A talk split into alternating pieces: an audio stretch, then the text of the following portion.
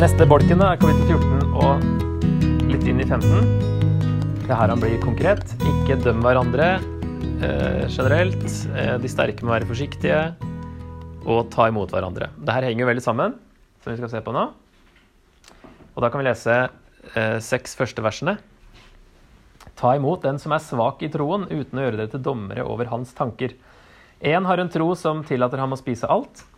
Den svake spiser bare grønnsaker. Den som spiser, skal ikke se ned på den som ikke gjør det, og den som ikke spiser, skal ikke dømme den som spiser. Gud har jo tatt imot ham. Hvem er du som dømmer en annens tjener? Om han står eller faller, er hans herres sak. Og han skal bli stående, for Herren har makt til å holde ham oppe.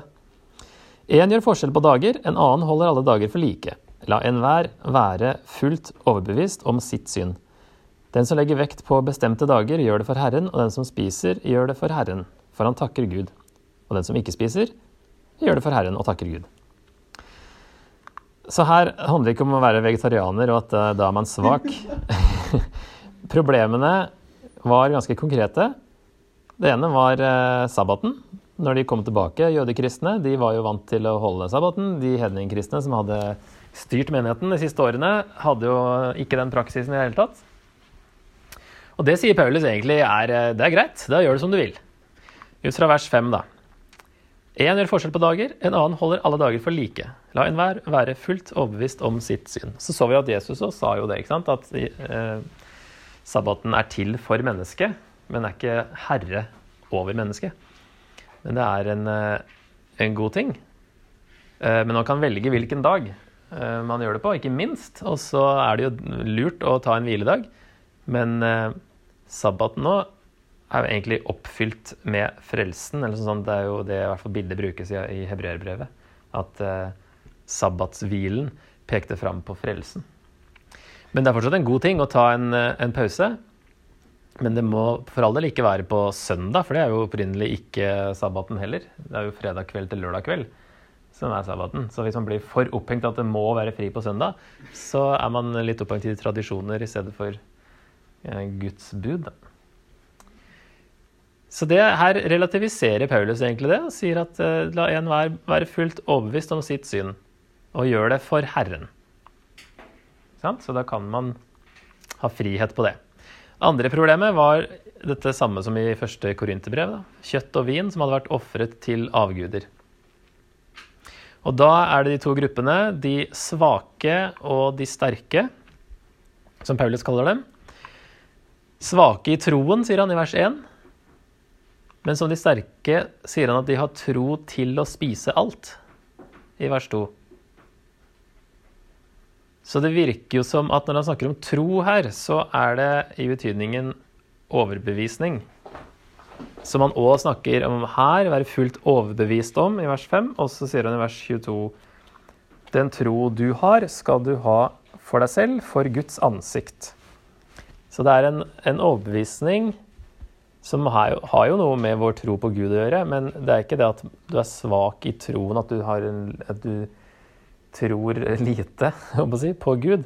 Men her, det motsatte av å være svak i troen, er jo å ha en tro som kan tro til å spise alt. Så det er veldig konkret her hva som er en sterk tro. Så man vil nok tenke at eh, det har med overbevisning å gjøre. Og da var det jo at eh, kanskje her de jødekristne, da, først og fremst, som spiste bare grønnsaker for å være sikre på at de ikke fikk i seg noe slikt kjøtt. Eh, holdt seg unna alt for å være sikker på det. Mens de sterke ikke noe problem fordi avgudene ikke finnes, sånn som i første Korinterbrev. da. Regner vi med er det samme argumentet. Men det er interessant, han sier da altså i vers eh, 17 For Guds rike består ikke i mat og drikke men i rettferdighet, fred og glede i Den hellige ånd. Ikke heng dere opp i mat og drikke. Og så sier han nå at uh, uh, Riv ikke ned Guds verk pga. mat, i vers 20. Her sto de i fare for å ødelegge Guds verk og Guds rike. De misforsto fordi de var så opphengt i mat og drikke. Og at det var en, eh, tydeligvis en eh, konflikt i menigheten akkurat på dette her. Da sier jo Paulus det samme som han sier i første Korinterbrev, at de sterke må ta hensyn til de svake. Og det er jo egentlig hele den fra 4.13 til 15.7. Eh, bygge opp fellesskapet, eh, ta hensyn til hverandre, ja. Og så sier han i eh, 15.1.: Vi som er sterke, må bære de svakes svakheter og ikke tenke på oss selv. Hver enkelt av oss skal tenke på det som er godt for vår neste, det som bygger opp. Og så er motivasjonen for Kristus tenkte ikke på seg selv. Så Jesus er motivasjonen for å tenke på andre. Eh, og så sier han eh, i vers 5 at må tålmodighetens og trøstens Gud hjelpe dere alle til å vise enighet etter Jesu Kristi vilje. Da kan dere samstemt og med én munn prise Gud, vår Herre Jesu Kristi Far. Ta derfor imot hverandre slik Kristus har tatt imot dere, til Guds ære. Så det er bra motivasjon her, når han forklarer hvorfor de da skal ta hensyn til de andre. Eh, og så er det litt rart, det siste verset kan vi ta med, da, vers 23, altså siste i kapittel 14. For han sier i vers 22.: Den tro du har, skal du ha for deg selv, for Guds ansikt. Salig er den som ikke dømmer seg selv på grunn av det han velger. Men den som spiser med tvil, er dømt fordi det ikke skjer i tro. Alt som ikke skjer i tro, er synd. Så virker det som at synd blir plutselig veldig relativt. Eh, er ikke synd synd, og, si, hvordan henger det sammen? Men vi så jo i første korinterbrev at det var jo synd av og til å bare benytte seg av friheten i Kristus og ikke tenke på andre i samme problemet. Selv om man tenker at eh, jeg har lov til alt. Ja, det er helt riktig. Men elsk neste som deg selv. Da blir det synd å ikke gjøre det. Um, situasjonen og konteksten avgjør, men synd Det er ikke det at synd blir en sånn postmoderne greie, og at vi kan velge sjøl om det er synd eller ikke. Men prøv å forklare det vers 23, så kan vi si at synd er å gå imot sin egen overbevisning. Spisingen er ikke synd i seg selv, men å gjøre noe man ikke tror er rett. Man bryter med sin egen tro eller samvittighet eller overbevisning. Ok, men eh, er det Forstår dere hva Paulus mener i vers 23? Alt som ikke skjer i tro, er synd. Og så er det ikke alltid Altså, har du tro til å spise kjøttet her, og du er alene, så er det greit. Så det å spise kjøttet, det er jo ikke synd, men det er synd i en annen kontekst. Selv om du gjør akkurat det samme. Og hvis du får noen til å gjøre det som egentlig tror at dette ikke er riktig, så blir det synd for den personen, selv om begge to spiser. Den ene mener at det er helt greit, den andre blir revet med eller pusha og mener at det her er egentlig ikke greit, men uh, gjør det likevel. Da er det en synd, for da, da, da, er det et eller annet med din relasjon til Gud, din personlige relasjon til Gud, som du egentlig går imot. Du går imot det du egentlig tror, og da blir det synd. Det er, det er et veldig rart vers. Og med Paulus han ser på seg sjøl som altså vi som er de sterke. Han er jo der sjøl. Og han håper jo at de òg skal komme seg dit, men uh, det er ikke det han sier at de skal gjøre. Um, så det er jo ikke et bra sted å være, og det kan hende at er, hvis man er for opphengt i hva tradisjonen har sagt er synd. Men da, ikke sant, uh, kortspill og dans og sånne ting da, som uh, før i tida ikke sant? Vil jo da for noen som da Å nei, det er visst ikke synd, jeg må gjøre det, men jeg tror egentlig det er synd. Men jeg blir med likevel. Da virker som da er det galt å gjøre det, og da blir det på en måte en synd, selv om tingene i seg sjøl er helt nøytral. Nei, Det er veldig interessant, eh, det her. Eh, og hva det vil si for våre relasjoner. Så tenkte vi ta en liten om det til slutt. Eh, hva som da kan være sånne ting i dag. Når det ikke er kjøtt og vin og sabbat.